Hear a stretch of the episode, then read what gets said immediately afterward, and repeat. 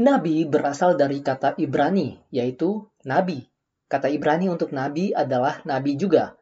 Kata ini berasal dari verba atau kata kerja yang berarti mengeluarkan gelembung, seperti mata air. Karena itu, nabi berarti seseorang yang mengeluarkan atau memancarkan aliran kata-kata Allah. Dalam bahasa Inggris, nabi disebut prophet. Ini berasal dari bahasa Yunani, prophetes, artinya seseorang yang mewakili pribadi lain, terutama Allah.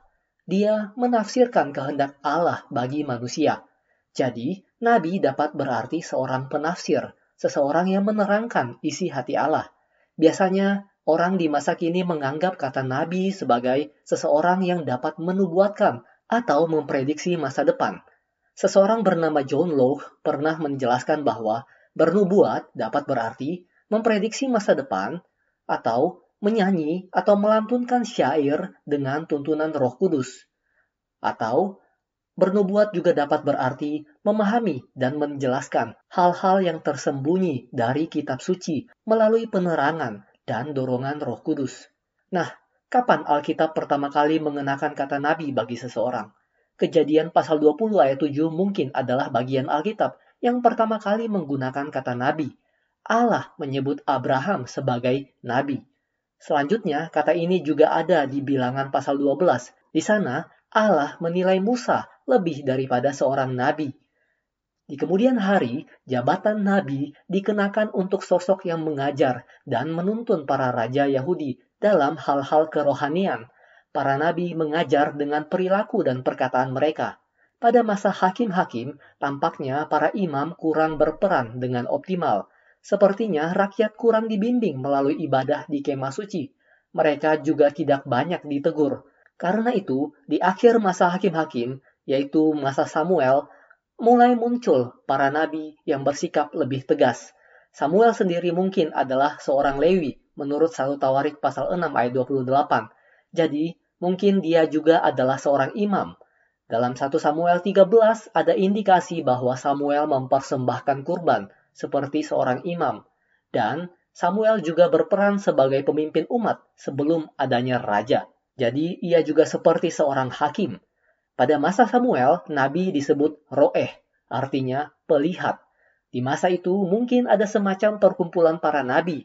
Ada di Rama, di Bethel, di Jericho, Gilgal, dan di tempat lain. Saudara dapat melihat hal ini di kitab 1 Samuel dan dua Raja-Raja. Bisa jadi perkumpulan ini mirip dengan sekolah Alkitab di masa kini. Tidak semua nabi harus bisa memprediksi masa depan. Mereka belajar hukum Taurat, menafsirkan dan mengajar. Mereka menulis syair dan puisi. Setelah itu, di masa berikutnya, kisah para nabi banyak dicantumkan dalam Perjanjian Lama. Sebagian dari mereka namanya dicantumkan sebagai nama kitab, namun sebagian lain diceritakan di dalam kitab-kitab Perjanjian Lama tanpa nama mereka menjadi judul kitab. Dalam teks Ibrani, terkadang tulisan mereka ada syair yang berima, artinya persamaan bunyi. Jadi mirip lagu rap atau pantun dalam lenong Betawi, hanya tulisan para nabi lebih panjang. Para nabi ini juga merupakan analis sejarah dan politik. Ada bagian-bagian tulisan Yesaya, Yeremia, Daniel, Yunus, dan Hagai yang mengajak kita untuk belajar dari sejarah. Para nabi juga mengkhotbahkan semangat patriotisme, tetapi yang bersifat rohani, yaitu tentang bagaimana jika kita dipimpin oleh Allah. Mereka juga menekankan relasi rohani dengan Allah dan hidup yang bermoral, lebih daripada sekadar ritual agama semata. Mereka memegang makna sejati hukum Taurat, yaitu mengenai kasih, mereka biasanya juga memperhatikan masalah sosial dan keperluan umat. Di tingkat pemerintahan, terkadang suara mereka dipertimbangkan oleh para penentu keputusan.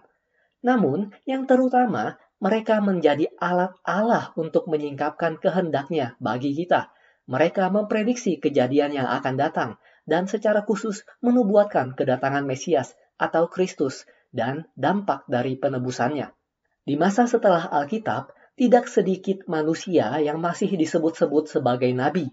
Namun, ulangan pasal 18 ayat 20 hingga 22 menyebutkan, tetapi seorang nabi yang terlalu berani untuk mengucapkan demi namaku perkataan yang tidak kuperintahkan untuk dikatakan olehnya atau yang berkata demi nama Allah lain, nabi itu harus mati. Jika sekiranya kamu berkata dalam hatimu, bagaimana kami mengetahui perkataan yang tidak difirmankan Tuhan? Apabila seorang nabi berkata demi nama Tuhan dan perkataannya itu tidak terjadi dan tidak sampai, maka itulah perkataan yang tidak difirmankan Tuhan. Dengan terlalu berani, nabi itu telah mengatakannya, maka janganlah gentar kepadanya. Lalu bagaimana dengan kita? Umumnya, kita tidak dikaruniai kemampuan untuk memprediksi masa depan. Kita juga tidak perlu mengaku-ngaku sebagai nabi. Namun, kita dikaruniai oleh hadirat Roh Kudus. Maka seyogyanya kita mau untuk belajar memahami hal-hal yang tersembunyi dari kitab suci dan membagikan isi hati Tuhan kepada orang lain meski dalam keterbatasan kita. Mari lihat jadwal sehari-hari kita. Apa yang dapat kita atur agar bisa mempunyai tempo untuk meneliti Alkitab? Apakah kita perlu motivasi, misalnya dengan turut menjadi guru sekolah minggu? Di samping itu, kita juga dapat belajar dari nabi seperti Yeskiel dan Hosea. Mereka hidup dengan menjadi alat peraga Allah. Bagaimana dalam kesederhanaan kita, kita menjelmakan hal ini di tempat kerja atau di rumah? Apakah isi Alkitab dapat terlihat melalui tabiat, tindak tanduk, dan tutur kata kita? Dalam segala kelemahan kita, seberapa jauh satpam, supir, atau pembantu dapat membedakan perangai kita dengan manusia lain yang hidupnya belum diwarnai dengan perkataan Allah. Saudara dapat melengkapi atau menyampaikan pandangan saudara setelah rekaman berikut. Semoga Tuhan memberkati saudara.